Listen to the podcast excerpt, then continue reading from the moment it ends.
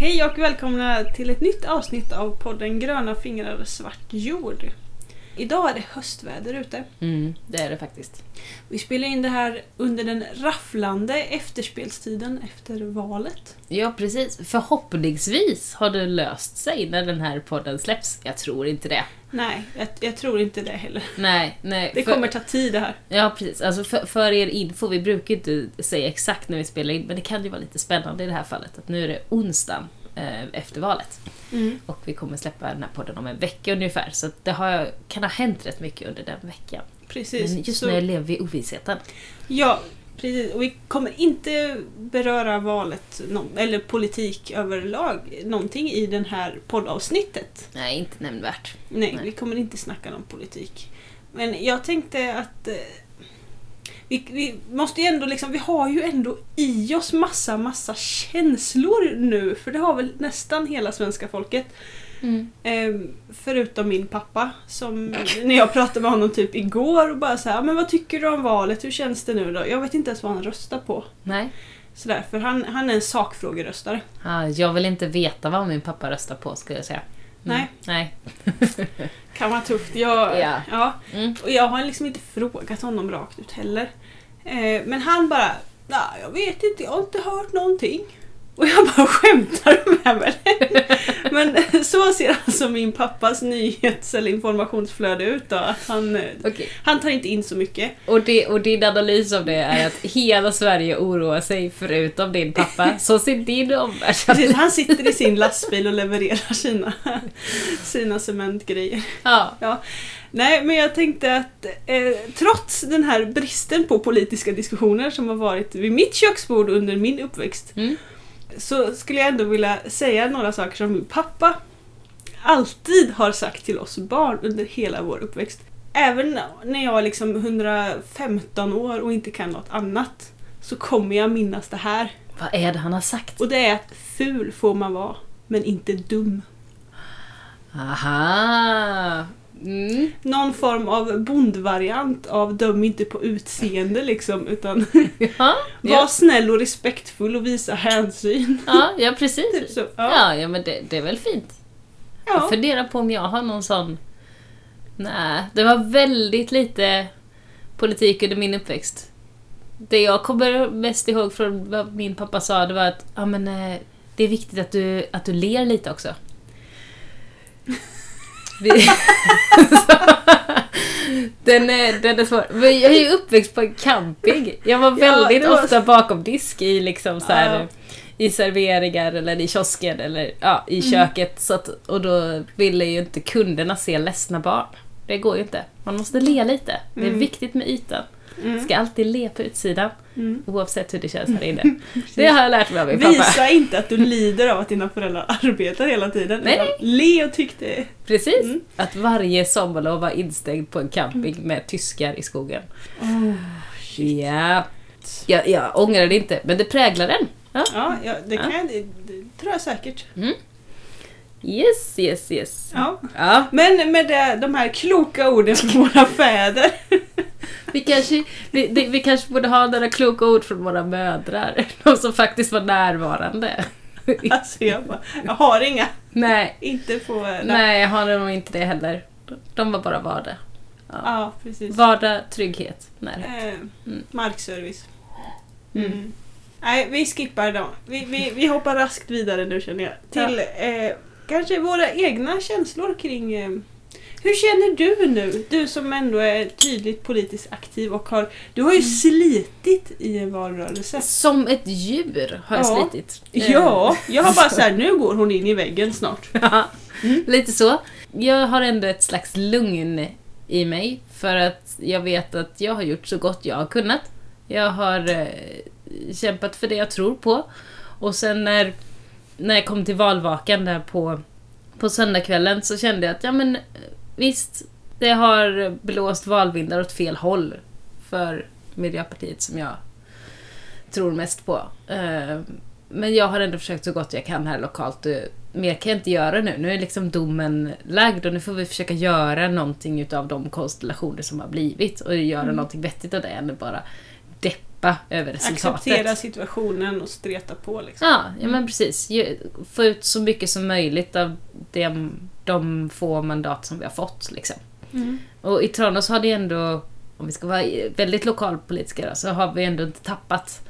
eh, Vi har tappat många röster men vi har inte tappat några mandat.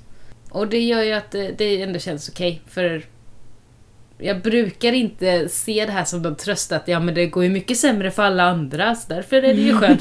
jag tycker det är en väldigt konstig tröst att liksom så här, andra lider mer, därför får inte jag lida. Det är jättekonstig Ja, tröst. Men ja. i det här fallet så kan jag ändå ta det att nej men okej, vi har tappat men vi har inte tappat några mandat. Det har alla andra miljöpartikommuner gjort i Jönköpings län. Mm.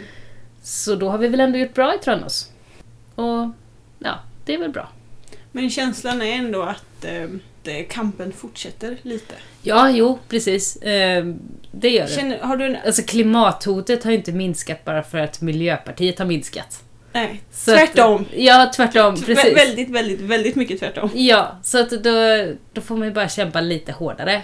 Mm. Ehm, och ja, göra så gott man kan. Och det tycker jag att jag gör. Och då, ja, jobba med det liksom. Mm.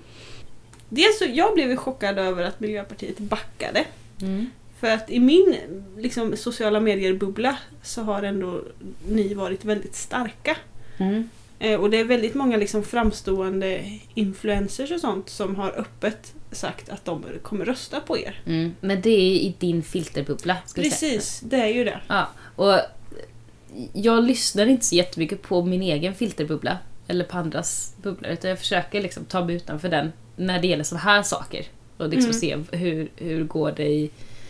Ja men för Miljöpartiet i mitt fall då, det har ju varit mest intressant. Och då tänkte jag att ja men det är bra om vi håller oss kvar i riksdagen. Det var liksom det som var mitt mål. Att vi kommer att tappa rejält. Med, vi har tappat hälften av medlemmarna i partiet under den här mandatperioden. Det har varit två jättestora kollapser för Miljöpartiet. Både den här frågan om Vattenfall och kolet och hela den grejen och med flyktingfrågorna och de stängda gränserna. Då tappade vi jättemånga medlemmar. Så att, att det då, då är det inte så konstigt att vi också tappar väldigt mycket i valet. Liksom. Nej. För våra kärnväljare försvinner. Mm. Så, så att, eh, det är dumt. Och det är också så, det är sånt som har hänt på Riks. Vi lokalt kan inte göra så mycket åt det förutom att skriva arga brev till våra riksdagsledamöter. Nej. Men, men det speglar ju också, alltså det kommer att föras över på lokal nivå. Mm.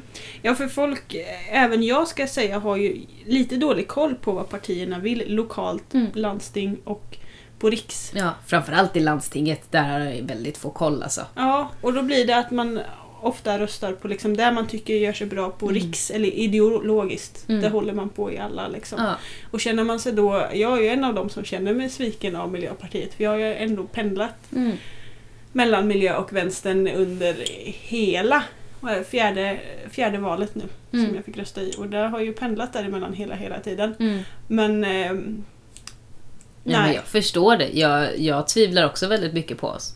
liksom. på, men på riksnivå gör jag det. ja, det men det, det förstår det. jag och det är ju om vi återgår till min filterbubbla nu då. Ja. Ja, eh, så har ju jag, alltså jag har ju inga som är, är liksom längre högerut än, än miljö. Utan det är liksom miljöpartister, sossar, vänster och fiare som Mm. Ja. ingår där. Ja. Eh, som öppet pratar politik i alla fall. Ja. Eh, och av de partierna så är det ju även folk från sossarna som liksom eh, tycker att det Riks gör inte stämmer överens liksom med vad, vad partiet står för och vad partiet borde göra. Men Mm. de håller ändå liksom fast vid sina partier Mm. fast de ändå tvivlar på partiledning eller på, Mm. Ja, ja. Och på besluten som tas. Liksom. det kan jag också tycka är sunt. Att Mm. man inte bara accepterar, för nu tyckte partiet något annat, ja men då gör jag det också. Nej, Det är ju inte oh, bra. Nej, nej, nej. Så att, alltså, det måste ju kunna föras en debatt inom Mm. ett parti och finnas eh, högt i tak och rum för olika åsikter och sånt där. Eh, och om jag kollar på hur det är i Tranås nu så var det ju lite drygt 2% som röstade på Miljöpartiet på riks från Tranås kommun, men lite drygt 4% som röstade på Miljöpartiet i, i kommunvalet på Tranås kommun. Just. Så att vi är Mm. populärare på kommunal nivå än Mm. vad vi är på riksnivå Mm. i Tranås. Eh, och det känns ju också bra för då Ni Är gör det ju så- något bra här. Ja, och då vi som jobbar lokalt vet att okej, ja, men då, då kanske de ändå gillar oss även om de inte gillar riksdag. Lite som vi. Sådär. Nej, de gör mycket bra på Riks också, det är bara att det inte har kommit ut så mycket. Vi har ju liksom Ja. den, den bästa klimatlagen vi någonsin har haft och det har lagts Mm. mycket mer pengar än vad det någonsin har gjorts på miljö och klimatbudgetar och sådär. Mm. Så att mycket bra görs på Riks också. Mm. Men det kommer ju sällan ut. Ja, precis. Och sen är det också svårt. Har man bara, som vi hade förra mandatperioden, var det väl 6-7 procent, något sånt. Att man då ska få ett jättestort genomslag på riksnivå. Nej. eh, Det, det är att hoppas för mycket. Särskilt Ja. i en minoritetsregering. Ja, precis. Jag tänkte just säga det att i, i det politiska klimatet eller den liksom konstellationerna som blir där uppe nu när, när det inte finns en tydlig ledare. Mm. Det var, ju, det var ju på något sätt lättare för när sossarna bara var störst. Mm. Ja, inte för att de är bäst, Nej. men det är liksom lättare att få igenom en politik när det finns en Mm. tydligt stor... eh, Ett tydligt parti liksom. Mm. Som, Hur, hur Mm. kände du inför valet? Efter valet? Efter valet nu. Alltså jag hade så jävla ont i magen hela helgen. Mm. med många fler. Och liksom det kliade i hela kroppen på mig. Alltså det var sån stressoro liksom. Så Mm. det bara... Ja, shit alltså vi bara... Eller, jag var uppe och klättrade i träd och det är så här, måste hålla mig igång. Mm. Liksom. Måste få något annat att tänka på hela tiden. Du Liksom. var nervös liksom? Ja, jag var skitnervös. Och orolig för det kan gå så jävla fel kände jag. Ja. Men det lugnade ner sig lite sen på morgonen. Mm. Ändå för att... Inte för att jag känner ett lugn över valresultatet. Mm. Utan mer för att eh, det blev ändå inte riktigt så illa som många befarat. Mm. Alltså he- hellre det här liksom kaoset kanske än att det hade liksom svängt det är liksom min eh, rent så här vänsterpolitiskt liksom så Mm. befarar jag verkligen att det skulle svänga om och bli helt blått, brunt. Tokhöger liksom. Tok. Ja, ja, men det skulle ju vara ett katastrof i mina ögon. Mm. Och det blev det ju inte utan nu sitter, pendlar det ju fram och tillbaka och, Mm. och liksom är kaos. Och det, att det är kaos är ju inte bra men det känns ändå liksom lite, lite, lite hoppingivande. Ja, men jag tänker att de löser det. Det, det rer sig på något sätt. Det gör det alltid. Och om vi bestämmer att det är kaos, då så vinner, då, då vinner liksom the dark side på något Mm. sätt. Så vi måste behålla lugnet att det här går bra. Det, Ja. det rer sig. Jag tror ju att det kommer bli en bra lösning till slut. Och det som, det som kommer komma ut är att väldigt lite saker kanske kommer hända. För att alla förslag som läggs fram från ena sidan kommer röstas ner av andra sidan. Mm. Och sidorna är ungefär lika stora. Mm. Så att eh, liksom, Mm. i värsta fall så får vi liksom fyra år av stilje. Typ. Stiltje. Ja. Ja, Ja. vi får se. Vi skulle inte prata politik den här Nej. podden. Det, nej, det skulle vi. Vi skulle prata känslan om politik. Eh, men känslan som jag har just nu det är liksom att man på något sätt så här, ännu mer än tidigare söker sammanhang, Mm. söker stöd, söker mening, eh, söker utbyte. Mm.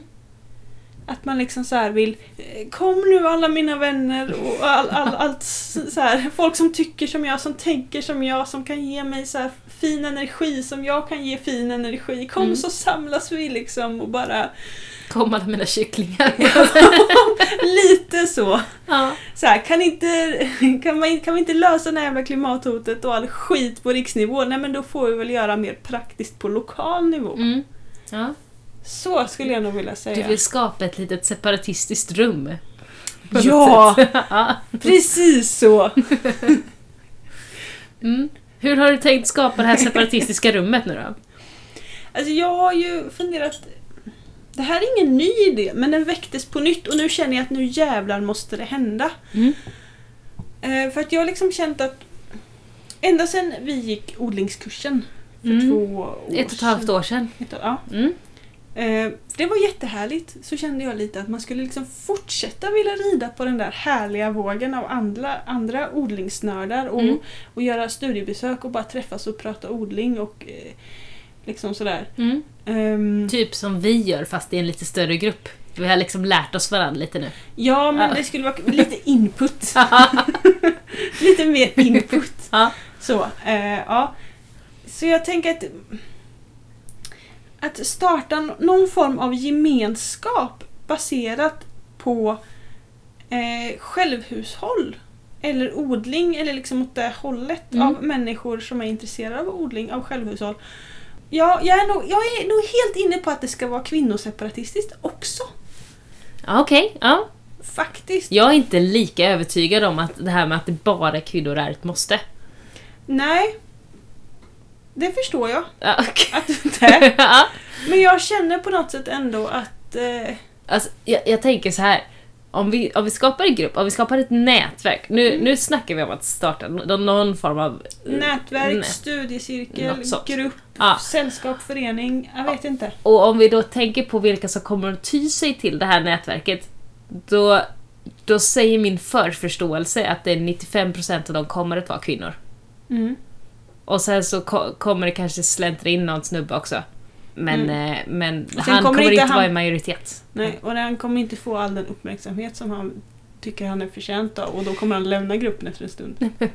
Vi vet ingenting om den här potentiella mannen som kanske är intresserad av det här nätverket. Nej, jag, bara så, jag får bara lite flashbacks från en annan grupp med löst sammanslutna trädgårdsintresserade människor som träffades. Eh, Där det var män i minoritet som Mm. kom och försvann. Ja, Ja. Jo. ja men så, eh, det, det, kan, det kan hända. Visst. Ja. visst. Ja. Då får vi hantera det i så fall. Ja, precis. Mm. Ja, det är ju ingen medlemskap på livstid som en jävla akademi liksom. Nej, det verkar inte gå så bra för de akademier i Sverige. Nej, Nej. medlemskap på livstid tycker jag överhuvudtaget är ganska märkligt. Ja, den är, den är Det svår. förutsätter liksom någon form av brist på utveckling. Tänker jag, både hos eh, akademin eller den där man har medlemskap på livstid eh, och också hos personerna som Tänker- ingår. Har man ett medlemskap på livstid då kan man ju också göra precis vad fan som helst där, då får man sitta kvar. Mm. Så. Det, Och det är ingen fördel. nej, det är ingen fördel. Ibland måste man skärpa sig lite faktiskt. Ja. Så. Ta Mm. sitt medlemskap för givet. Ja, okej. Icke-politik poddavsnittet bara så här, bara, bara regnar. Ja, det spårar redan alltså. Men vad, Ja. vad är det vi vill ha sagt nu? Jo, vi vill ha sagt att det skulle vara, vara nice att starta någon form av nätverk för personer som är intresserade av självhushåll Ja, och som bor i närheten och av oss. eller, Eller? odling, tänker eller jag. odling. Det kanske inte är så att man känner att man liksom måste odla för att självhushålla, men att man ändå brinner eller har ett stort intresse av odling och liksom... Ett nätverk för odling. Odlare. Mm, Med tankar om självhushållning. ja. Okej, ja, men Ja, jag men- tror ja, att ni som lyssnar fattar vad vi menar. Ja, och det här, det här Även om inte liksom vi inte... fattar vad vi menar.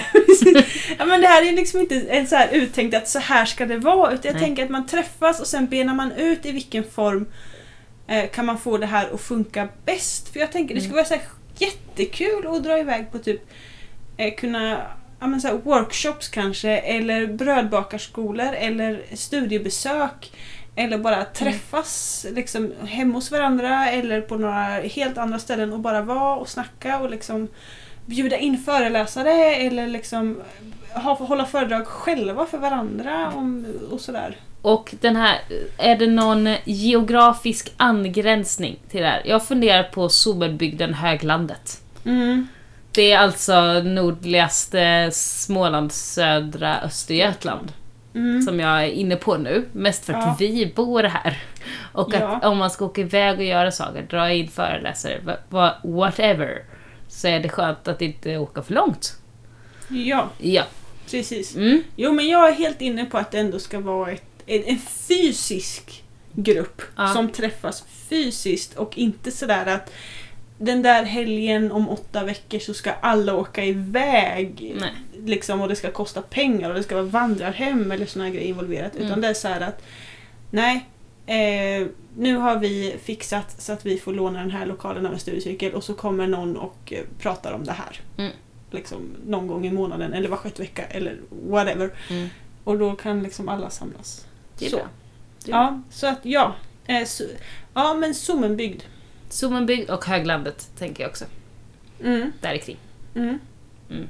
Och, eh, och, ja, men, och sen eh, södra Östergötland, för det är ju inte Sommenbygd. Jo, jo, jo. Sommenbygd är, är eh, Tranås, Boxholm, Idre, Kinda, Ödeshög.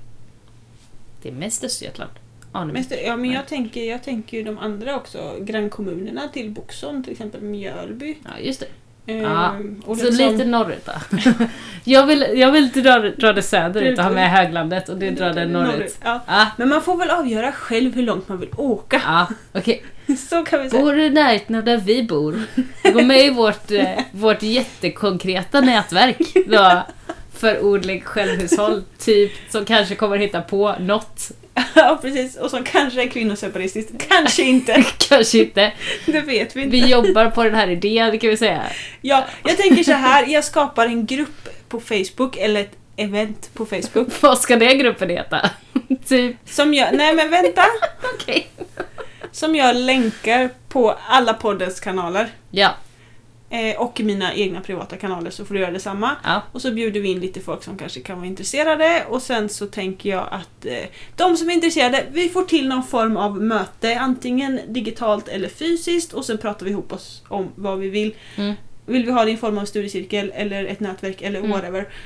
Eller vi löser det. Eller förening, Mm. precis. Vi, bara, vi, bara vi hittar den här eh, kom alla mina kycklingar. Ja, just det. Vi Grejen. behöver lite folk. Ja. Ja men jag tänker att det kanske det högre, om man nu ska snacka om högre syften med Mm. saker och ting. Så kanske det är liksom det, just den gemenskapen eller liksom att kunna stärka varandra är det högre syftet. Mm. Jag tycker det låter som en, som en, en bra idé. Det är grunden till en bra idé. Ja, Och så får vi bygga någonting av det här. ja. Ja. Vi har säcken med lego. Nu ska vi bara liksom Ja, ska det bli hitta det. ritningen Vi eller? vet inte om det blir ett flygplan eller ett träd eller en gorilla. Det vet Nej, vi inte. nej, nej, men nej. någonting blir det. Ja. Ja. Mm. Vad bra. Tror du vi får någon napp på det här? kanske. Ja. Mm, vi kommer fortsätta prata om det längre fram när vi kanske har något mer konkret. Också. Så.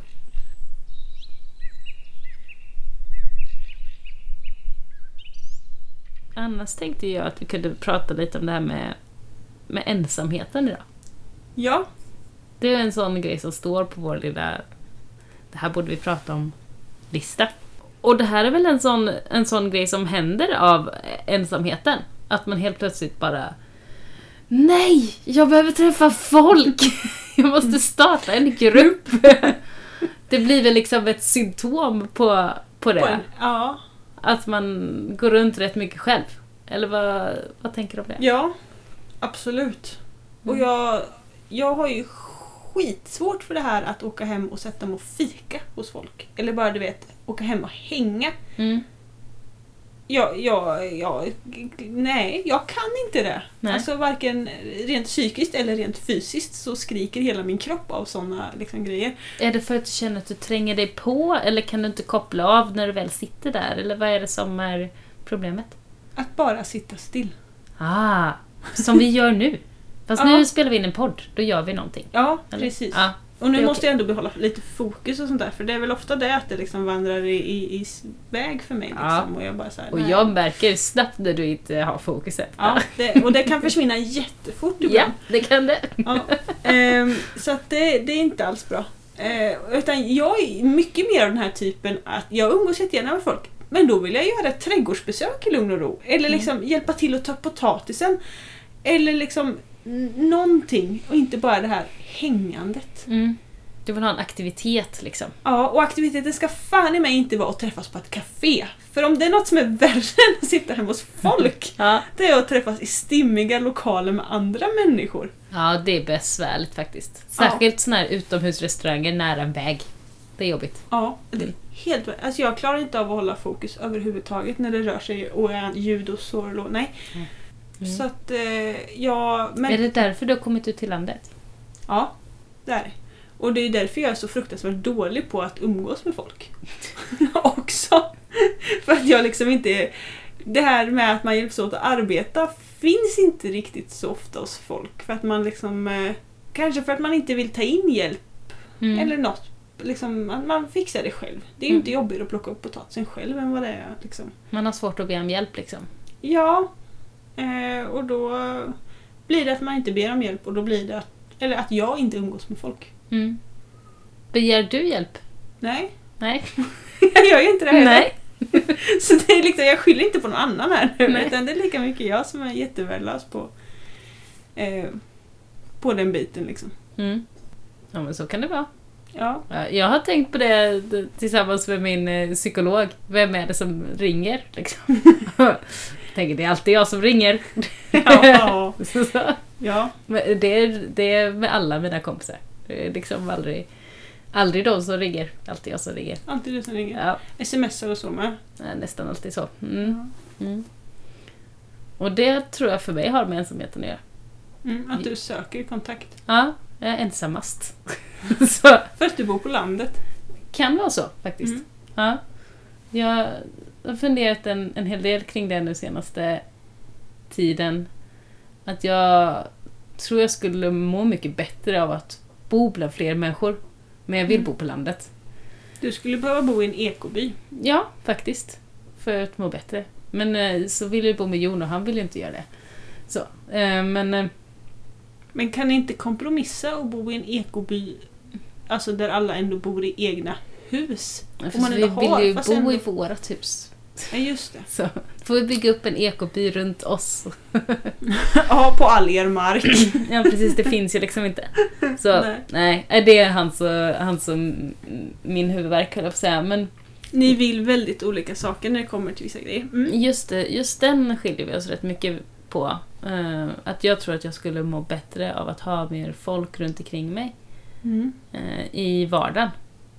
Att eh, det är en sak att liksom sitta och chatta med någon, eller sitta och smsa med någon, eller umgås via nätet.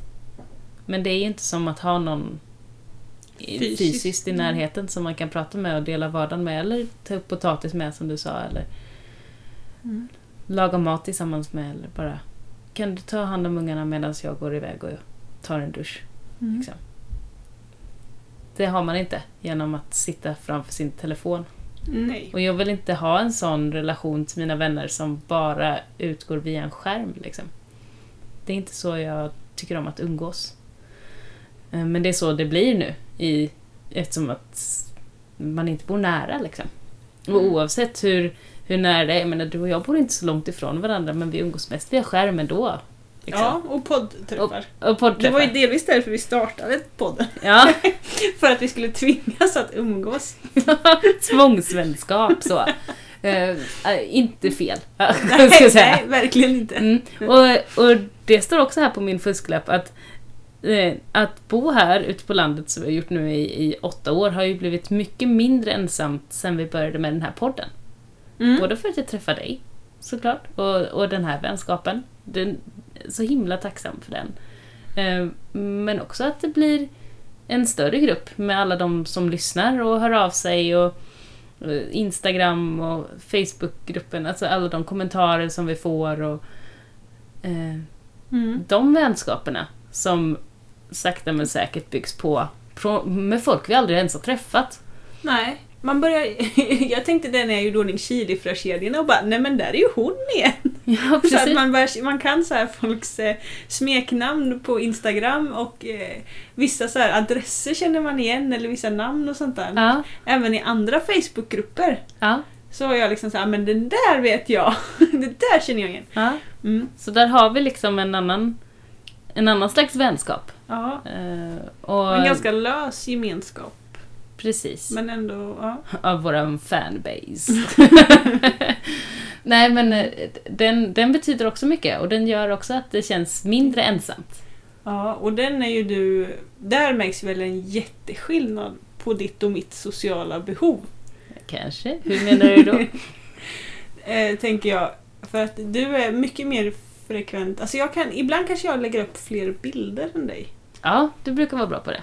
Eh, men du livesänder ju väldigt mycket mer än vad jag gör. Ja, jag tycker det är roligt. Och liksom så här kommunicerar mycket, mycket mer och är mycket, mycket, mycket mer på hugget när det kommer till mejlen och sådana saker också. Mm. Men alltså jag är mer såhär, ja vi har fått mejl, jag tar det sen. Mm. Jag tar det sen, jag tar det sen. Jag kanske skulle live om det här, ja men jag tar det sen. Ja, ibland har inte jag någon koll på vad jag ska live om. Jag bara känner för att göra en livesändning. Ja, för det här sociala behovet. Ja. Tänker jag, att du liksom vill ha någon form av lite utbyte. Eller Ja. få prata av dig med någon. Ja. Och då blir det liksom Då blir det med Liven. mig själv på något sätt. på liven liksom. Ja. Men det finns ändå någon som lyssnar någon gång. Även om det råkar sig vara så illa att det kanske bara är en eller två eller fem som lyssnar just då. Mm. Så vet du att inom ett dygn så kommer i alla fall betydligt fler se eller höra eller lyssna och kanske skicka feedback. Liksom. precis.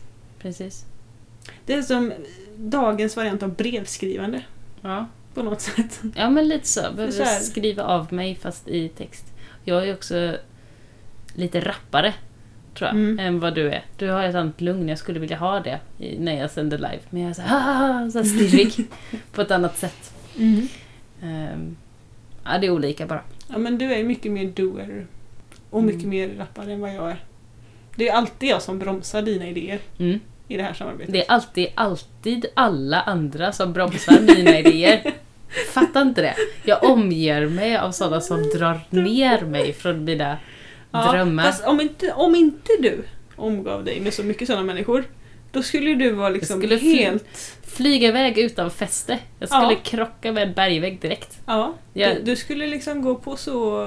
Ja. Jo, jag, jag har träffat något fåtal andra som mig och den kombon, den blir inte bra. Nej, det Nej. märker alla runt omkring jättetydligt. Ni märker nog inte det när ni träffas. Nej, för det är så himla skönt att ha någon att flyga med. Ja, precis. Och alla andra bara så här, står och sliter där och bara så här.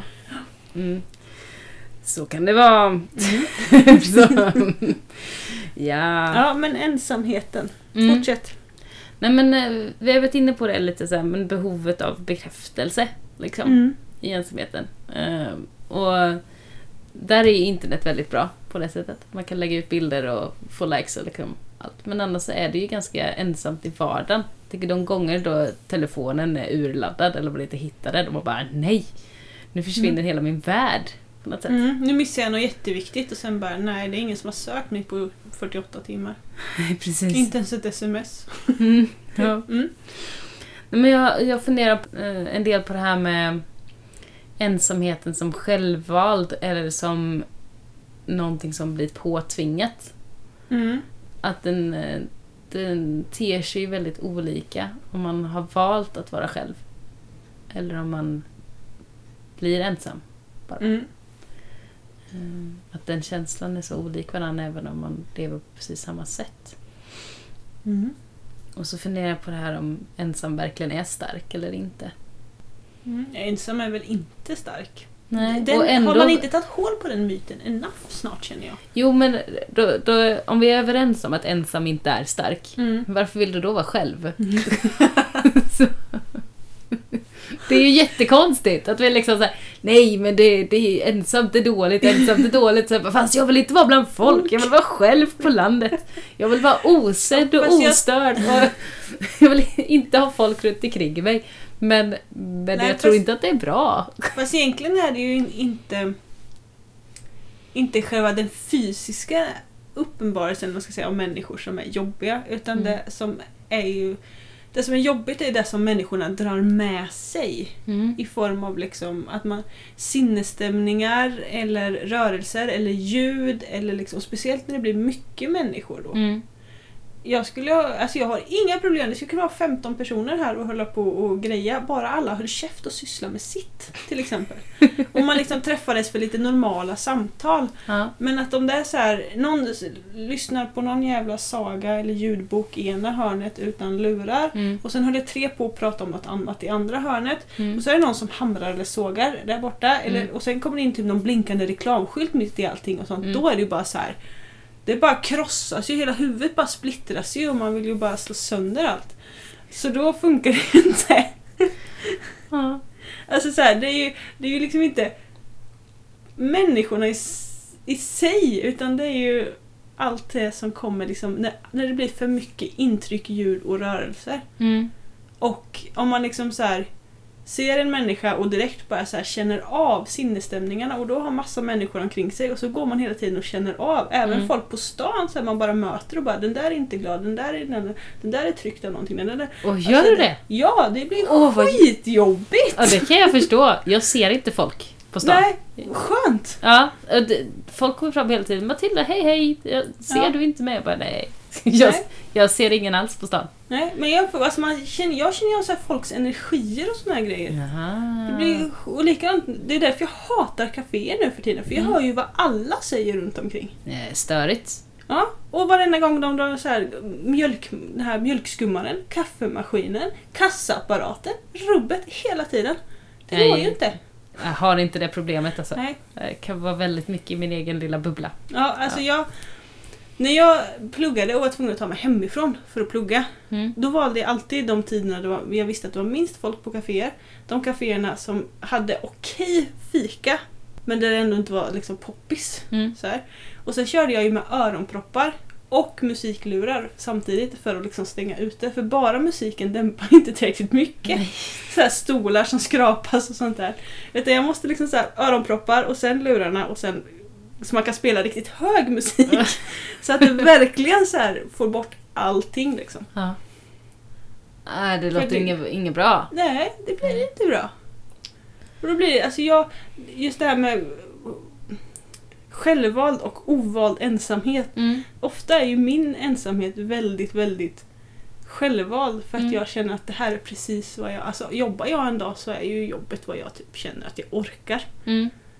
Och sen that's enough. Mm. Liksom.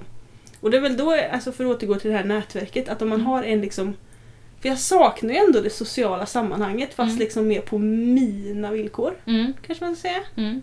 Där det mer är lugnt och tyst och intressanta samtal Mm. eller så, lite utbyte för det här. Jag kan ju inte kallprata. Nej. liksom, det här trevnadspratet liksom och det här liksom bara... Vilket fint väder det är. Ja, alltså jag bara såhär, är du dum i huvudet? Har du inget annat att komma? Nej. Alltså jag får ju verkligen så lite den känslan. Jag har så dåliga sociala skills när det kommer till sånt så att det liksom... Jag tycker det är lite roligt att sabba sådana. Där de så här börjar ja men hur är det? Och jag bara, nej det är dåligt. Ja. så bara, Ja men jag kan inte det det är lite kul för man vet aldrig riktigt hur de reagerar på det. Nej, det kanske jag skulle börja testa. Ja, ja, prova det. Det är kul att leka med dem. Så, alltså det här det sociala spelet. Mm. Gör det. Ja, det borde jag nog testa med. Ja. Men då tänker jag liksom att det här när, det, alltså man har någon form av sånt här nätverk med liksom fasta träffar och man vet liksom att man har sitt och man hittar sitt och man får ändå det sociala utbytet och någon form av gemenskap fast utan att liksom aktivt behöva söka den Mm. och utan att liksom säga att jag borde höra av mig till den, jag borde höra av mig till den, jag borde... Du vet, det där som ligger hela tiden som man... Har du det som ligger hela tiden? Ofta. Du borde höra av dig till folk. Ja, Nej, har inte jag heller. Men jag hör av mig bara. Ja, precis. Ja. Men jag säger, ja, jag borde höra av mig, men jag or, jag, Nej, jag vill bara ha tystnad omkring mig. det. Liksom. Ja. Det är ofta den här kampen som jag har istället. ja, just det. Och Så. så, kommer mina sms. Jag säger Mimmi, jag har fixat det här. Jag... Och det typ Ja, jag, jag, jag, bara, svarar kan jag sen. inte bara få rensa mina valstarkor i fred? Jag vill ha tystnad! typ. Förlåt. Eh, men, men det har väl också med... Alltså jag var ju mycket mer social innan, innan barn. Ja. Så, för att ba- barn och den här ljudkänsligheten är ju inte en jättebra kombo. Nej, liksom. nej. nej. Eh, så att då, då blir man ju liksom konstant trött Mm. på ljud och folk. För att det alltid är ljud och små människor omkring en. Mm. Ja, precis. Mm. Ja, att de är inte det bästa för avslappningen faktiskt. Nej. Nej.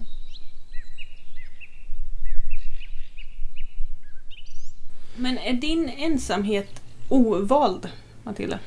Nej, så här kan man säga. Jag tycker det är väldigt skönt att bo på landet. Jag tycker det är väldigt skönt att leva osedd, ostörd, eh, odömd, skulle jag säga. Mm. Eh, att inte behöva bry mig om vad folk tycker, vad folk tänker, att kunna gå ut naken till sin klädställning och hämta kläder utan att behöva liksom oroa sig för att det är någon som tittar. Mm. Utan bara, jag kan bara få vara. Jag behöver inte ha på mig hela byxor någon gång den här helgen, för det är bara jag hemma. på Ja, något sätt. det är så skönt. Ja, inte sådana grejer. Det, Mm.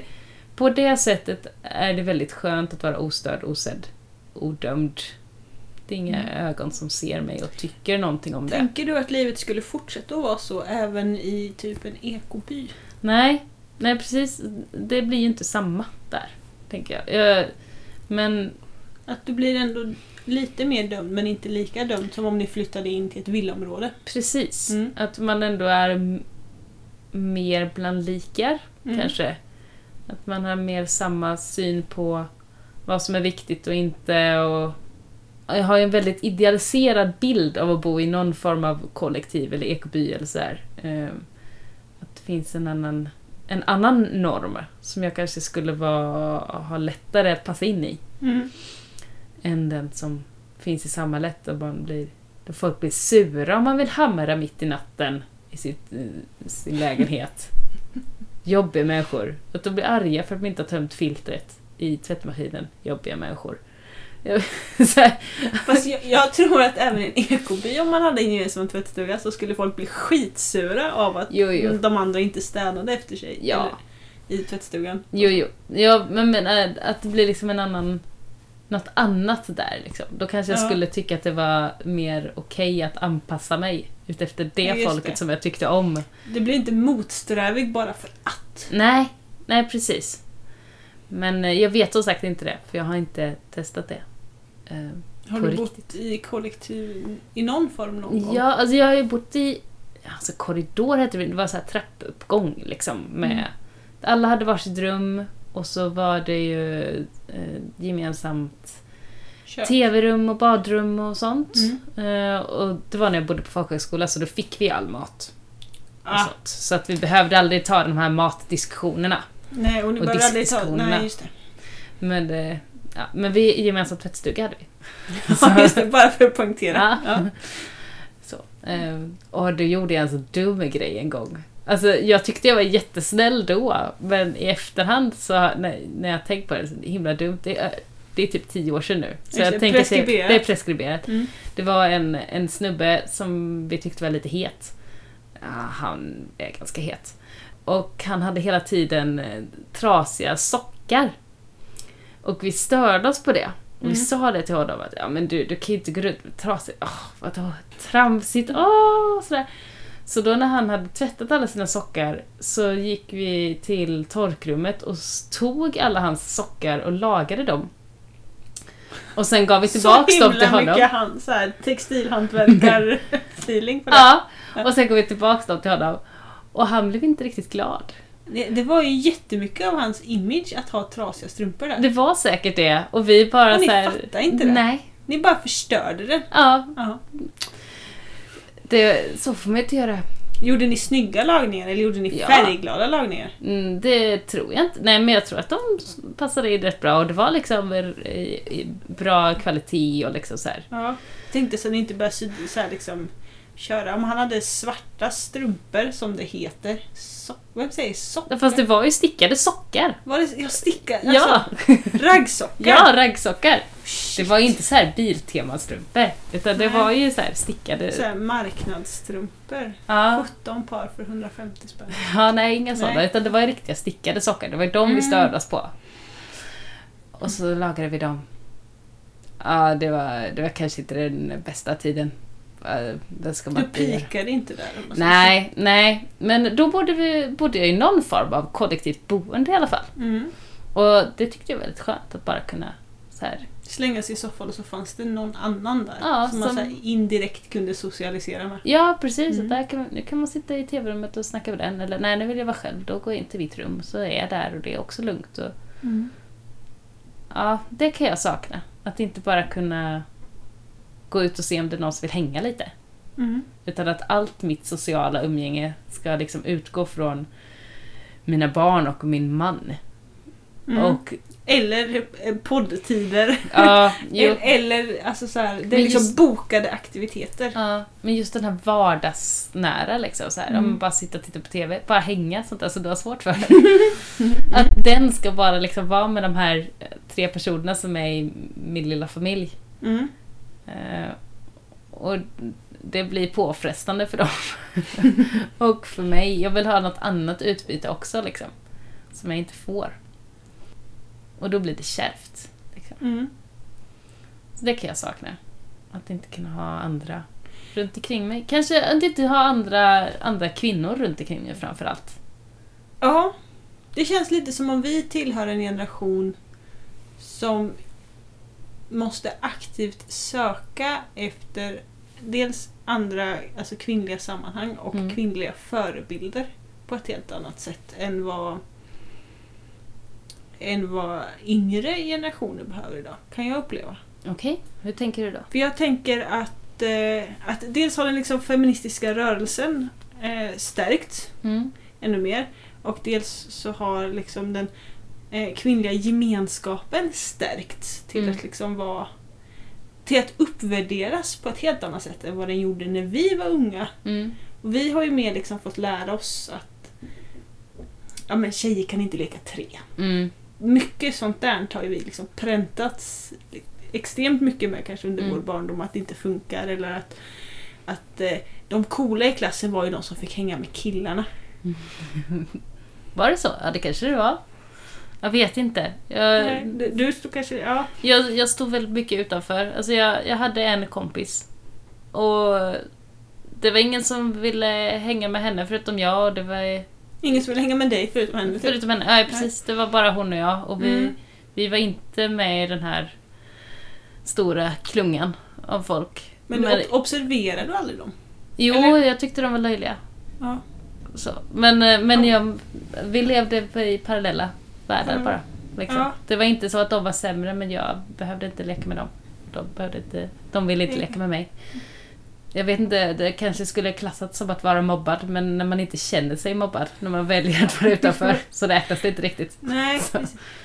Nej, det är kanske bara jag som, och också det här med i- inkännandet hela tiden. För Ja, jag har så det. tydliga bilder liksom av hur energier gick och hur så här, gruppbeteenden och sånt var under hela högstadiet och delvis gymna och ja, ganska mycket faktiskt när jag tänker efter under gymnasieperioden också. Ja. Med Ja, liksom, grupperingar och sånt Ja. också. Liksom.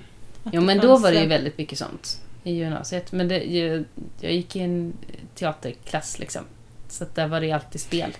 Ja, Så. Jag vet inte. Mm, Så jag, ja, men ni jobbar ju mycket mer med gruppdynamik Ja. och liksom tajtare relationer per automatik. Jag som gick Mm. i estetisk bild, Mm. eh, där jobbar man inte alls med gruppdynamik Nej. på det här sättet och eh, relationer. Och då blir det väldigt tydligt att se dem. Eh, men det kanske också bara är på något sätt en, en också den här filterbubblan eller en bild man har av sin samtid. Men jag Ja. upplever det nu som om att det har liksom uppvärderats gemenskapen liksom kvinnor emellan har uppvärderats mycket, mycket högre. För det är inte bara någon så här feministflummare Mm. som ägnar sig åt sånt utan det är liksom alla, Mm. mer eller mindre. Backa alla kvinnor liksom på något sätt. Ja, Ja. Ja men kanske. Jag vet inte. nej, jag Mm. vet inte heller. Nej. Men det, det känns lite som det, ja. Mm. Och att då... eh, Då måste vi nu i vuxen ålder, det var det jag skulle komma till. Om jag, om jag kommer in på rätt spår igen. Ja. var att vi nu i liksom vuxen ålder måste aktivt liksom leta eller famla efter de här liksom sammanhangen för att Mm. de har liksom inte bara kommit Nej med oss från barnsben. Liksom, utan vi Mm. har de här stora gemenskaperna eller så måste vi liksom jobba på för vi har, Mm. det ligger inte i vår ryggrad. Överhuvudtaget tycker jag att det är ju mycket svårare att ta till sig nya bekantskaper när man är vuxen. Och det är ju inget nytt. Alltså det har ju folk vetat länge. Att det Mm. är mycket lättare att få kompisar när man är barn eller tonåring eller går i skolan eller sådär. Mm. Än att... Man hade ju mindre krav då med. Ja. ja, och mer tid. Liksom. Ja, jo. Det, nu så har vi ingen tid och ork på det sättet. Att skaffa Mm. sig nya vänner och... Det är svårt och sen måste det liksom passas in. Det här har vi pratat om en annan gång. Att dina barn och mitt barn leker inte så himla bra tillsammans Nej. i alla sammanhang. Det är synd. Det är jättesynd, Ja. men det gör ju också att vi, för att vi ska få någon liksom lite vettig eller givande stund Mm. så måste vi liksom passa in det när våra barn kan vara någon annanstans. Ja, precis. Så att vi kan liksom inte bara träffas och hänga och så leker barnen och har det jättekul utan Nej. det blir alltid så här konflikter eller någon, någonting. Då måste vi få till det när, när våra bättre hälfter också är hemma och tar hand om, om sina ungar. Ja. Och att då vi fyra ska vara lediga samtidigt, där både din och min man jobbar skift. Precis. Det är svårt. ja men det ställer ju till det och det Ja. har vi märkt lite. Det är därför vi byter poddvecka från och med det här avsnittet. Ja, precis. Att det kommer en, eh, en jämn vecka istället för en ojämn vecka. Mm. I ett försök att få det där, alla fyra ledigheterna att funka bättre. Ja, precis. Mm. Livspusslet. Ja. Mm.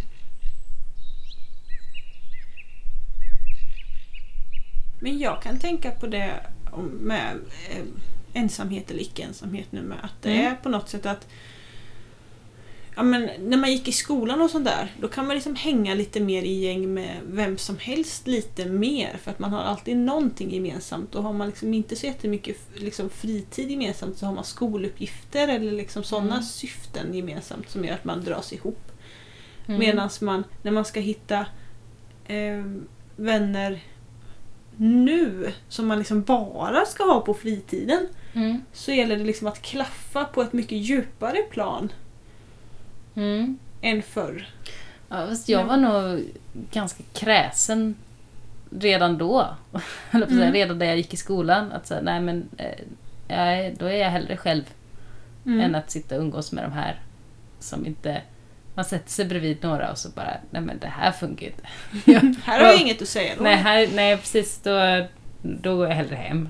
Eller sådär. Ja. Så att jag tycker nog att ensamheten att, i att inte tillhöra en norm, att inte känna sig i del av en grupp Mm. som man ändå tvingas in i, att den är värre än den faktiska självvalda ensamheten då man sitter själv ute i skogen. Mm. Att den, den är mer befriande.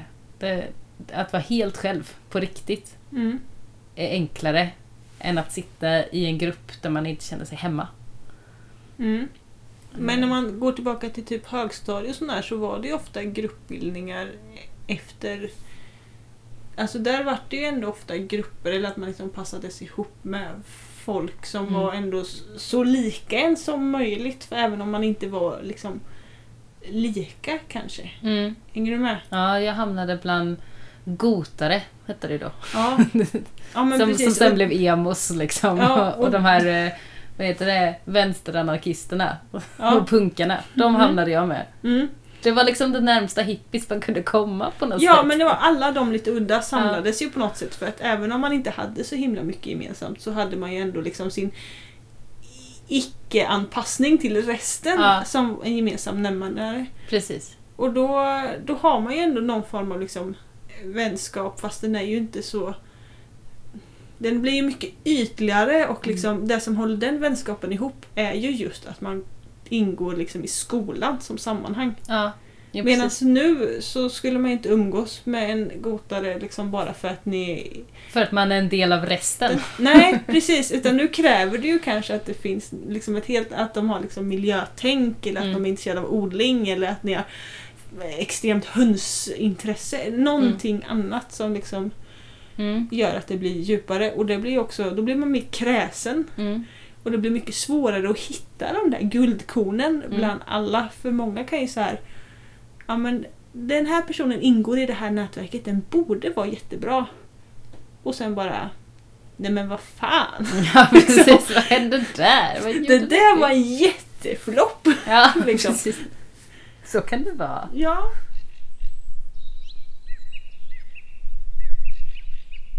Tror att det, det är en, en grej som har hänt nu när individualismen stär, liksom blir starkare? Vi har mycket mer att välja på än den här lilla bygemenskapen. Helt plötsligt så kan vi dissa folk. För att vi behöver ju inte umgås med alla. Nej, och vi kan hitta guldkornen via sociala medier. Ja, hoppas vi i alla fall. Även om vi båda säger att det är väldigt svårt, att Mm. man liksom blir besviken. Mm. Men den här ständiga valmöjligheten, det här med att det kanske alltid finns någon som är lite bättre, som passar lite bättre. Nej, men då gör jag mig av med den här förra, för att det kan ju komma Mm. något bättre. Att den gör att vi också blir ensammare. För att vi Ensammare bara, bara letar och letar och letar. Ja, lite så kanske. Och lite mindre förstående kanske. Ja. Att vi istället för att säga, ja men du tycker inte riktigt som jag, men det är okej. Mm. Så bara så här.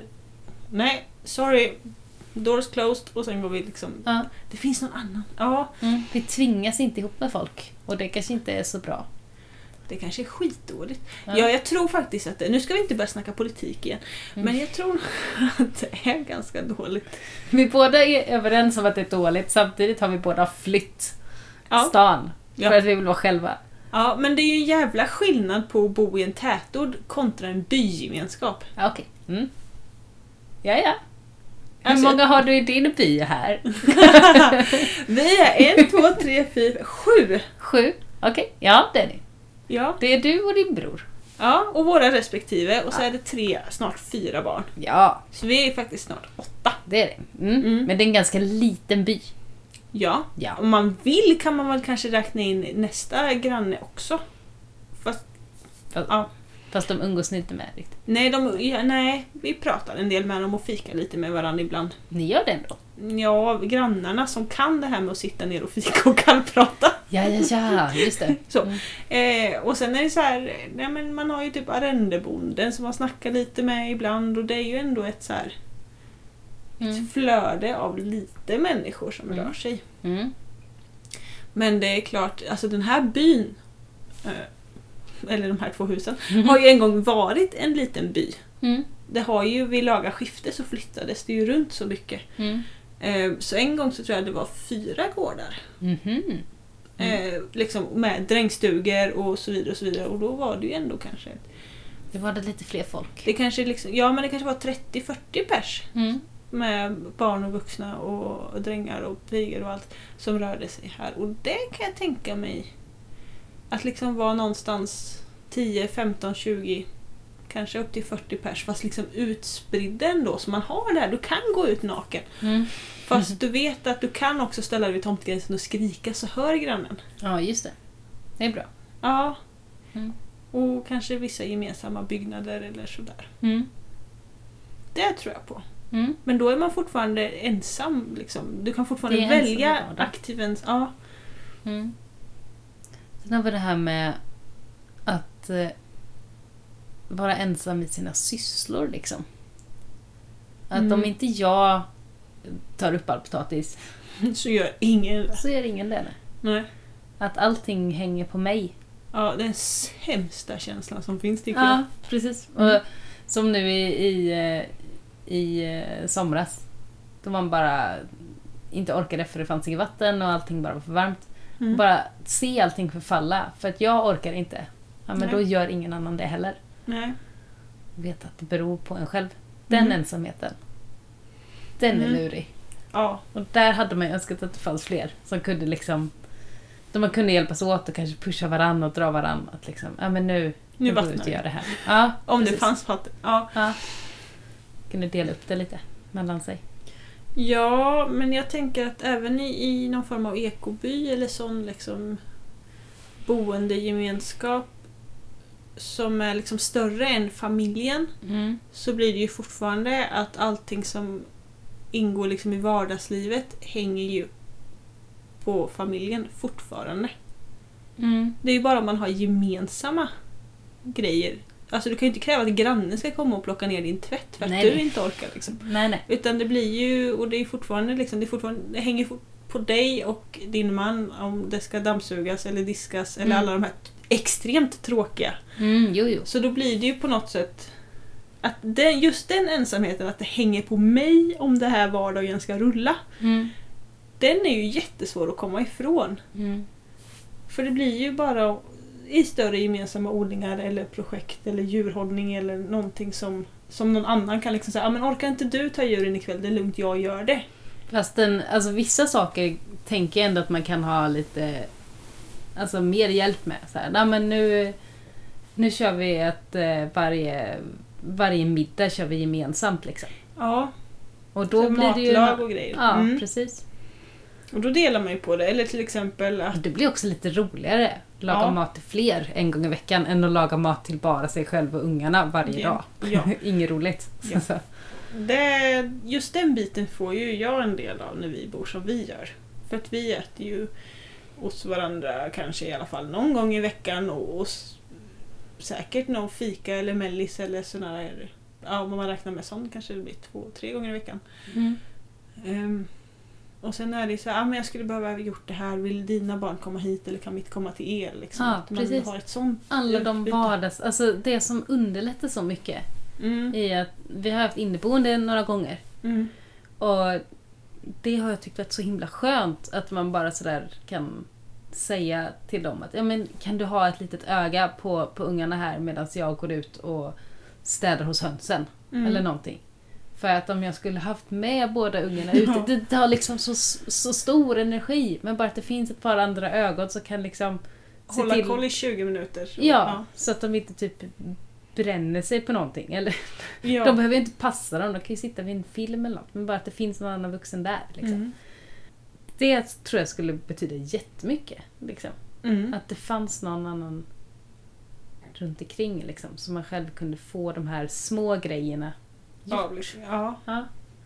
Jo, för det kan jag säga att det kan ju underlätta jättemycket att, att mitt barn går över dit och jag vet att jag har, ja men jag ska hämta ett visst klockslag, nu har jag en timme eller nu har jag tre timmar på mig och liksom få massa saker gjort här. Mm. Eller att de kommer hit för ofta så leker de ju och sysselsätter sig själva. ja, precis. Så man får ändå liksom de här glappen där man eh, kan få en del gjort. Mm. Det blir inte så mycket, det blir ingen återhämtning och det blir ingen tystnad men du kan få liksom beta av att göra-listan. Ja, precis. Ja, jag tror på det där. Någon form av mer gemenskap än att vara helt ute i sin egen lilla Ni får autonoma väl- värld. Hoppas att, att grannarna säljer och att det Ja. flyttar in trevliga människor där. Ja, jag tror det kommer dröja. Ja. Så. Ja. Mm. De grannarna vi har är jättetrevliga också. Men det... Man kan ha världens bästa grannar fast de kanske inte ger riktigt det utbytet. Mm, ja, precis, precis. Jag kan inte prata självhushåll. Nej, På det precis. sättet. De ingår inte i er gemenskap. Nej.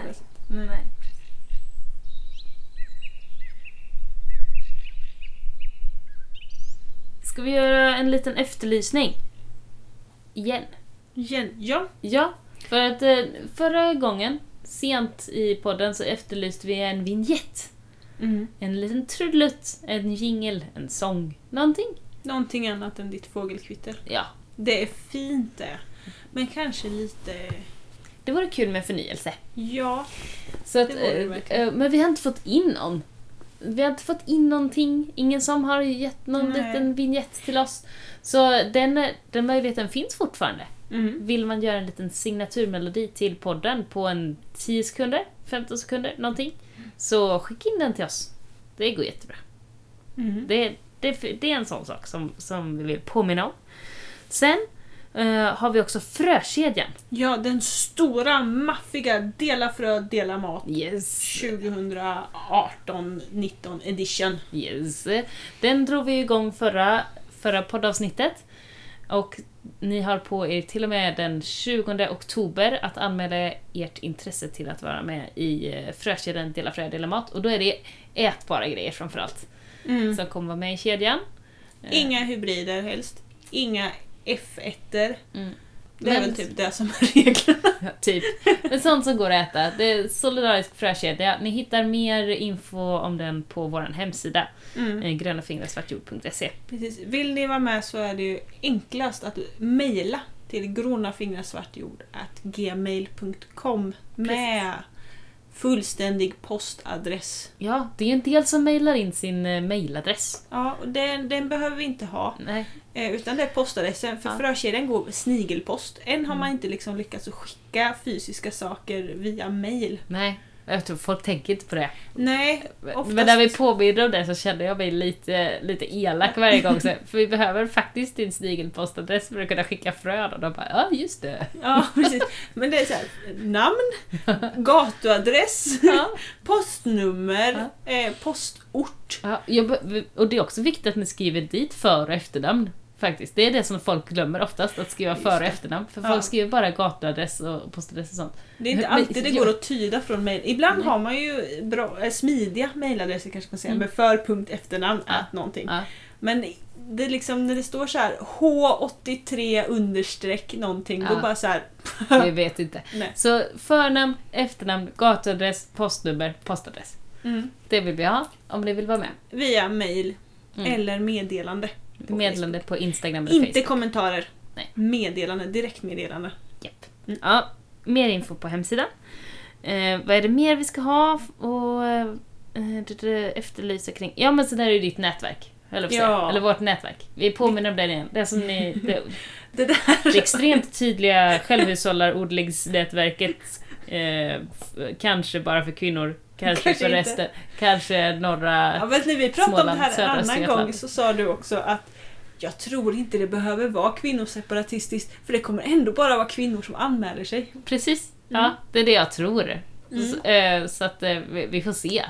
Ja, Ja, och jag, jag tror att du har lite rätt i det. Och då Mm. tänkte jag så här, ja men det är väl typiskt kvinnor att bry sig om alla andra och vilja ta hand om natur och miljö och liksom. Ja, men män är ju väldigt ensamma. De är, har ju mycket svårare för att skaffa kompisar i vuxen ålder också. Mm. De eh, är ju beroende av att deras kvinnor gör det. Mm. Jag såg någon studie om att om De man, sociala relationerna. Ja, nej men att om mannen dör först i ett förhållande så lever kvinnan längre. Men om kvinnan dör i ett förhållande så dör mannen snabbare. Ja, han blir ensammare. ja, han blir ensammare. Förlorar mycket, mycket mer. Ja. Så det- kvinnor är viktiga på många sätt. Var det du som sa att typ, det är därför äldre män oftast umgås med sina systrar? Nej, det var nog inte jag som Vem sa. var det som sa det? Det var någon annan som pratade om precis samma grej nämligen. Jaha, Och så sa det är därför äldre män ofta har så tät kontakt med sina systrar. ja, så kan det nog vara. För att när de liksom när de blir lämnade av sin partner så faller liksom det sociala arbetet på systrarna istället. Ja, just det. De, Mm. Det är de som får komma hem och tvätta. Ja, eller bara, bara liksom, för de har ingen annan att ringa. Nej, just det. Eller någon annan som liksom bjuder på kaffe på det sättet eller sådär. Utan Mm. att de eh, Ja. faller... Ja. Ja, Så det är inte deppigt. alltid. Mm. Inte alltid såklart. Nej. Men det var någon som hade hävdat det. Jag vet inte, jag har inte så himla mycket kontakt med äldre män som är änkemän. Nej. Så jag, jag har jättedålig Men det verkar ju inte som att någon har mycket kontakt med dem då, för de var ju väldigt ensamma. Ja, just? Det är ingen som har mycket kontakt. Nej. Nej. Åh. Och så deppigt. Och jag hade eh, jag har en kompis som jobbade i Charken ett tag på ICA. Mm. Och så kom det någon, någon lite så här sparvartad gubbe till Charken, tog sin lilla kölapp och när det väl blev hans tur så sa han ja, men jag vill ha en bit smörgåstårta. Och de bara, äh, fast vi har, det minsta är tre, kan du ta tre? Ja. Bara, Ja, ja, men jag får väl ta det då. Och så bara, ja men vad, är det någon som fyller år sådär? Liksom, eller ska du fira något? Ja, jo men det är jag som fyller år. Så, Nej. det var så himla hemskt. Så, Åh. så nej. Det var ingen som skulle fira honom. Men han ville gärna fira själv. Ja. Ja. Hon hade stor lust att gå upp och äta smörgåstårta med honom efter jobbet. ja, jag förstår det. Så ja, Mm. oj oj oj. Ensamheten är en, en stor bov i samhället. Oavsett ålder tror jag. Mm. Mm. Den är giftig. Mm. Ah, Vi har pratat nog om ensamheten den här podden. Vi ska inte snöa in på det igen. Eh, Men jag tänkte vi skulle snöa in lite på vatten. Mm. Hur har det gått? Det är dåligt med vatten här har jag hört. Mm. Det är det. det var ett bistert konstaterande. Hur kommer det sig? Hur kommer det sig? Nej, eh, jag la ju upp på poddens... eh, Ja, det var väl både på Instagram och Facebook tror jag. Ja, det tror Eh, att våran brunn hade sinat jag. Mm. i slutet på augusti. Och den... Eh, Alltså var det helt tomt? Eller vad händer när brunnen sinar? Alltså, när vi- när vi- är det sinat liksom? Ehm, vi, vi hade... Eh, jag tror vi hade 33 centimeter vatten från botten, djupaste stället på brunnen. Det är ju grävd brunn vi har. Ja, just det.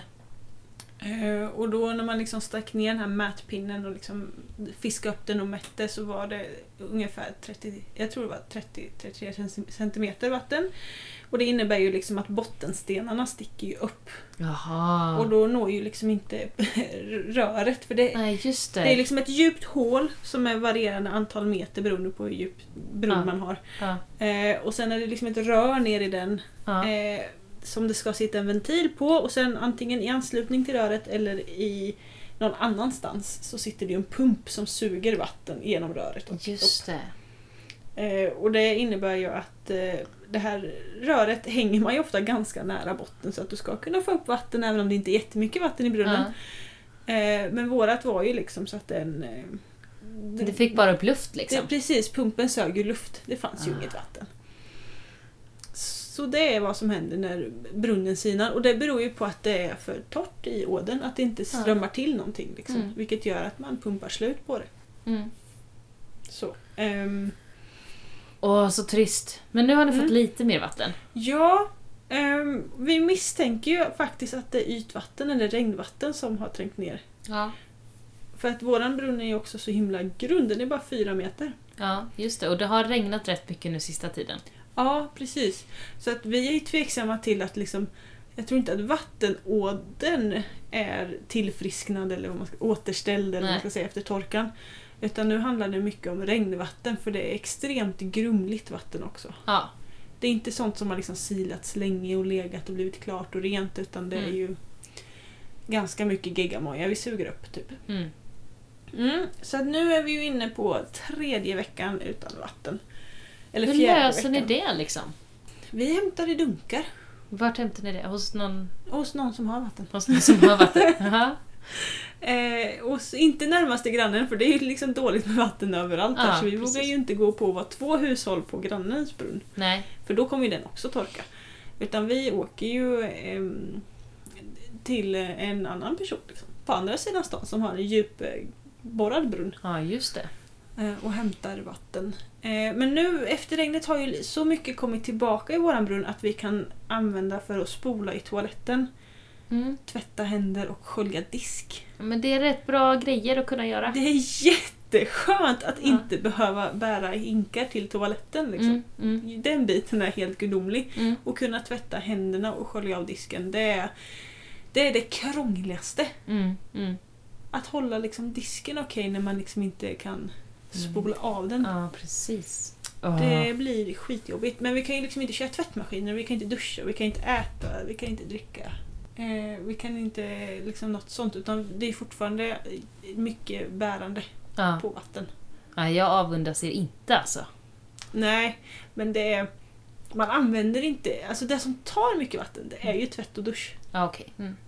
Så att... Eh, Och det fixar ni hos någon annan liksom? Ja. Mm. Eh, Så att... Eh, men vi bär ju fortfarande en, Mm. kanske 150 liter i veckan. Ja, det är mycket.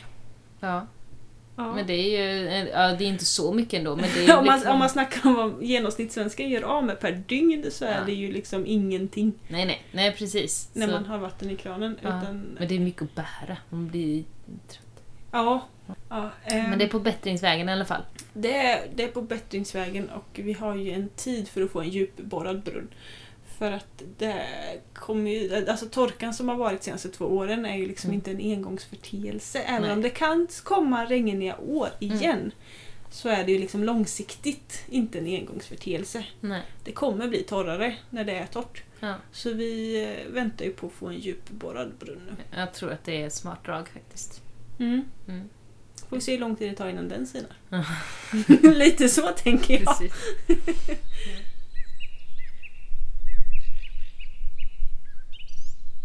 Annat som roligt som händer är att nu när, när eh, i söndags, när det var val, Mm. så fördrev jag tiden med att ha äppelmosfabrik. Det är också en sak som är skitjobbig att syssla med när man inte har vatten i kranen. Ja, det kan jag tänka mig. Ja. Ja. Och jag som bestämt mig för att vi ska baka bröd hela september. Nej! Det är lite jobbigt, alltså jag letar aktivt efter brödrecept där det blir, som genererar väldigt lite disk. Ja, just det. Ja. Mm. Eh, sen i förrgår gick vår ugn sönder så nu har vi ytterligare problem att lösa men det är liksom, vi löser det. Ja, det löser sig Ja. sen på något sätt. Precis. Men Ja. äppelmos, eran, ja efter val blir det fabriksmånad. Ja, nu är det fabriksmånad Mm. och då är äppelmosfabriken var först ut. Mm. Mm. Och vill du veta hur vi gör äppelmosfabrik? Ja.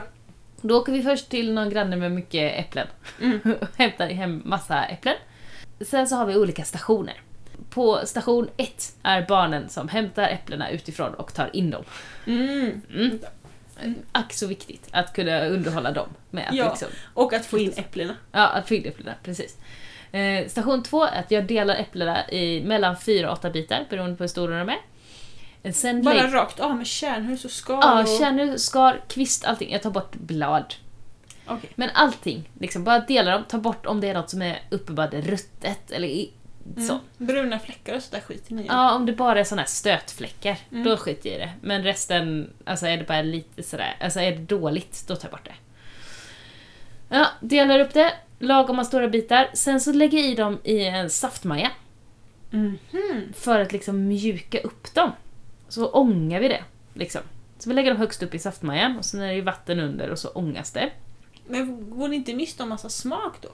Eller Mm. får ni inte ut äppelsaft? Jo, vi får ut äppelsaft också. Men vi ångar dem inte så länge, bara tills de blir lite mushiga sådär, lite Mm. mjukare. Kanske en 10 minuter. Okej. Något ja. så. Så de blir en kvart kanske. Det är Jon som har mest koll på det där. Mm. Eh, hur mjuka de ska vara. Sen tar vi dem till, vad heter det, en hushållsassistent kanske? Mm. Det här mosiga. Och sen så tar vi det genom eh, hushållsassistenten och då blir det liksom en, eh, en del som är mos och en del som är skrufs. Och där hamnar ju liksom Vad har ni för grej till den? För Ja. jag tänker om man kör typ i köttkvarnen så borde allt bli mos. Nej men jag tror att det är, Vad är det för- det är som en kött... Alltså det är en sån skruv och sen så är det som en... Alltså, någon sån här grej med små hål i, liksom. Som silar ner Ja. och sen så blir alla stora bitar gå vidare. Ja, precis. Aha. Mm. Så det, då hamnar moset i en del och sen så skrufset längre bort. Sen så brukar Jon ta skrufset en gång till så att man kör det två gånger så man verkligen Mm. får ut så mycket mos som möjligt. Just och sen får typ hönsen skrufsen och jublar Ja. eller? Jon har funderat på om man ska ta och ånga det ännu mer i saftmajan för att få ut ännu mer saft. Mhm. Ta bara skrufset och ånga det Mm. i saftmajan. Och sen så får vi lite saft från liksom, den här första uppmjukningen av det. Ehm, och så här så blir det bara bös kvar. Och då Men så... när har ni sockret? Eller kör ni Nej men det tar... Nej men, nej, men så här, nej. När vi har... eh, När moset kommer ut från hushållsassistenten. När vi har en full skål med mos. Då sätter vi den på spisen. Mm. Har på, har i socker och lite citronsyra. Mm. Och låter det liksom Koka ihop sig. Ja, bara sådär värmer upp det lite. För det är ju Mm. redan ganska varmt från den här processen. Och sen så lägger vi det i honungsburkar och sen så fryser vi allting. Ah, okej. Så att då är det inte lika att det måste vara sådär Nej. superperfekt när det ändå är fryst. Mm. Det är vårt system. Då kan vi få ihop liksom hur många, jag vet inte hur många burkar, men typ jättemånga burkar Mhm. på väldigt kort tid. Mm. Och vi, har, vi behöver inte hålla på och skala och kärna ur ta bort kvist utan bara ner med allting. liksom. Ja, smidigt. Jättesmidigt. Och då får, måste vi diska en hushållsassistent, en saftmaja och eh, några, stora, några stora kärl då. Ja. Ja. kanske tre, fyra. Ja, precis. Mm, det är väl bra? Och alla burkar innan.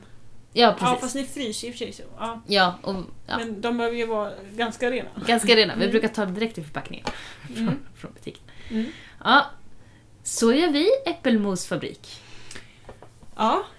Ni är nog jävligt mycket mer effektiva än jag som kör på den skala, klyfta, koka, mixa i och för sig. Jag kokar ju Mm. liksom med socker och allt. Ja, just det. Och sen mixar och kör upp på varma burkar. Mm. Med lite konserveringsmedel i nu för att frysen är full. Ja, just det. Jag Mm. har fryst en del men det är ju så mycket annat som ska in där också. mycket. Vi investerade i stor frysbox. Och vi har ingenstans att ha en frysbox Nej, just det. än. Nej.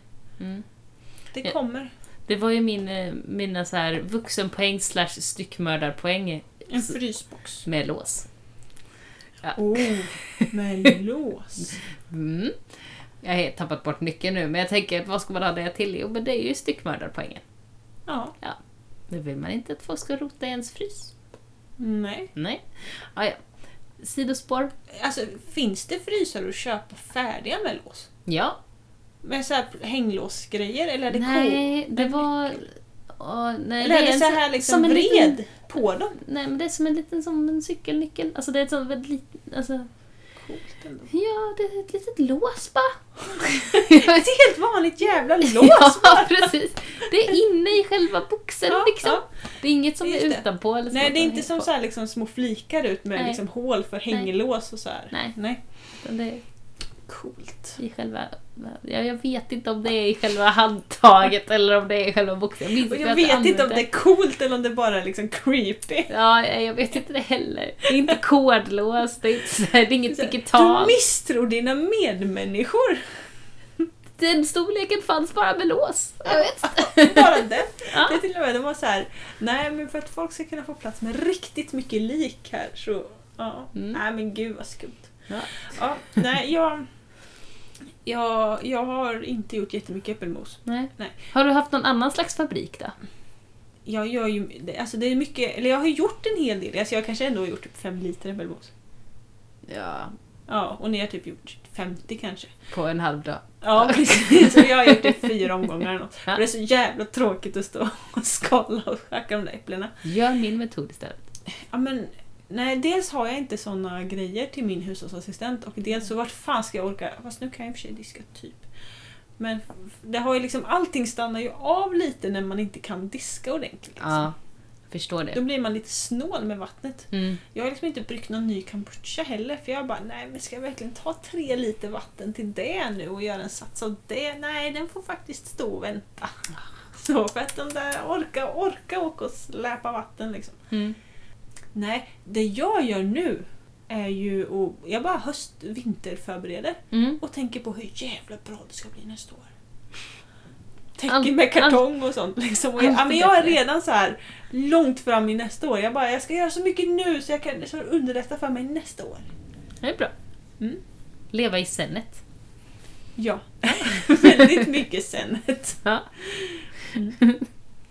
Jag tycker det är befriande att höra att du säger ja men det kommer bli så mycket lättare nästa år när jag har en liten, liten bebis också. Det, det är skönt Nej, att det du har bli- den tron. Liksom. Det kommer bli skitjobbigt men det är därför Ja. jag gör så jättemycket nu för att liksom för att jag kan, jag kan inte ta tag i allt det här då. Nej, nej det har du rätt i. Nej, Alltså jag måste göra massa saker i nuet för att det liksom ska bli lite bättre i senet. Ja men det, det är bra. När du lägger fram det så förstår Mm. jag det mer. Jag drog ju upp eh, massa ogräs och och började förbereda i, runt där jag har mitt... Eh, tanken är att det ska bli lite någon form av perennland där det växer liksom gräslöken och piplöken och sådana här saker och sparrisen och det. Mm. Där jag hade vitlökarna i år så jag drog bort tre stycken pallkragar eh, och sen ogräsrensade jag en ganska stor yta runt om och la på tidningar och nytt täckmaterial och sånt där. Mm. Och jag bara, det är så mycket mask. Och det, Mm. jorden är ju helt annan än vad det var. För när vi plöjde och vände det där, då var det liksom stenhårda grästuvor blandat med en gammal grusgång typ. Mm. Och nu är det någonting helt annat. Det är och det bara jättebra. maskar i, i, till förbannelse och det är liksom fuktigt och, och mjukt och mulligt och bara åh! Så jag bara kände så här. Där satt jag mig på vaddagen och bara så här frid i hela själen just då. Mm. Så, mm. Så himla skönt. Ja! Det är ju bra. Täckodling är fan bra skit. Ja. Jättebra. Ja. Perfekt. Nu kommer jag på en annan grej. Sista slutklämmen. Sista slutklämmen. Okej. Ja. Mm. Folk refererar till att det, det känns lite bajsigt och brunt i den politiska eh, sfären nu. Det oftast. har de rätt i. Mm. Ja, eh, men att ur det bruna bajsiga växer ju någonting. Mm. Liksom. Folk har börjat sprida så här bilder liksom av frön som, som eh, gror liksom med gröna blad och hela den symboliken ur det där bajsiga bruna. Ja, det är bra. Det är en ganska fin tanke. Det är fint. Att det är skit, skit nu och sen blir det någonting bra sen. Liksom. Men vi måste ju då, om vi ska fortsätta den, fast det ska vi inte då, måste vi tillföra ännu mer skit sen och det vill vi inte. Vi kan bara täcka. Ja, vi bara täcker över det. Ja, det är. Bra. Det har du rätt i. Fint, fint. Ja, jag ska inte ifrågasätta den liknelsen. Den var fin nog som den var. Ja. Ja, Ja. ni, får, ni får ha det så bra alla här ute eh, som lyssnar och hoppas att ni orkade lyssna ända till slutet. Det blir ett extra långt poddavsnitt den här veckan för att eh, ni har ju fått vänta en vecka extra. ja, Ja, vi säger så. ja precis. Mm. Så hörs vi i- igen om ett par veckor. Ja, precis. Ha det så bra. Mm. Vi hörs. Hej då!